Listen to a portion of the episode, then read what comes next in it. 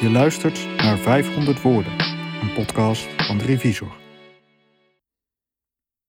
Ze vult mijn avonden. Haar naam staat groot in mijn agenda. In kraaien poten over de lichtblauwe lijnen die de uren opdelen. Ik ben haar tegengekomen op YouTube. Ze streamde de eerste Bioshock en ik bleef een beetje hangen. Meteen benieuwd naar waar op de wereld ze zich bevond. Het appartement achter haar leek modern en afgebakend, met een laag plafond en een wit-grijze laminaatvloer. Een groot raam waarachter een ondefinieerbare, maar niet te ontkennen grote stad zich ontvouwde. Flats en wolkenkrabbers, rechthoeken van wit licht. Toronto misschien. Na die eerste keer bleef ik haar streams volgen, totdat de grens tussen gewoonte en verslaving vervaagde. Ze draagt een virtueel masker over haar echte gezicht.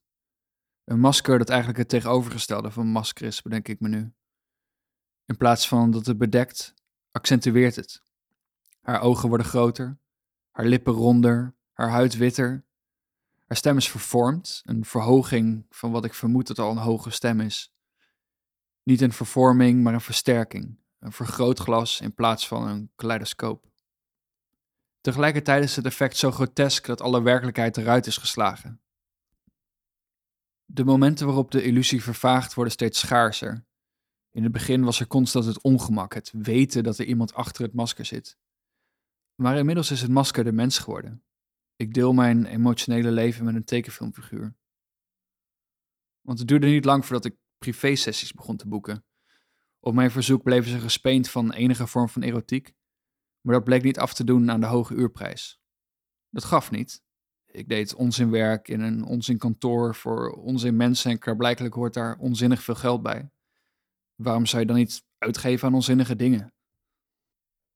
Als het tijd is om afscheid te nemen, doet ze altijd alsof ze iets anders heeft, iets vergeten is, alsof ze moe is en graag wil slapen.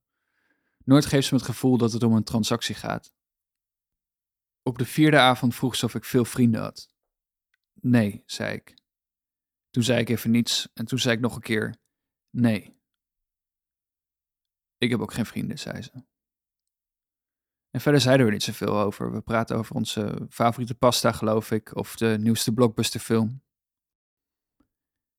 Dat is het eigenaardige aan pijn. Zodra je iemand hebt om het mee te delen, wordt de onbenulligheid ervan blootgelegd. Je denkt dat je begrip wil, maar zodra je wordt begrepen, verschijnt er een leegte onder de leegte en besef je dat het niet begrip is dat je al die tijd wilde, maar iets anders. Waar je uiteindelijk naar verlangt is het einde van de pijn. Maar pijn eindigt niet. Sterker nog, een groot deel van de pijn zelf wordt veroorzaakt door die oneindigheid. Soms vraag ik me af of ze ook aan mij denkt. Gewoon op een van die momenten waarop mensen gaan nadenken. Als er ergens een raam is. Of het regent.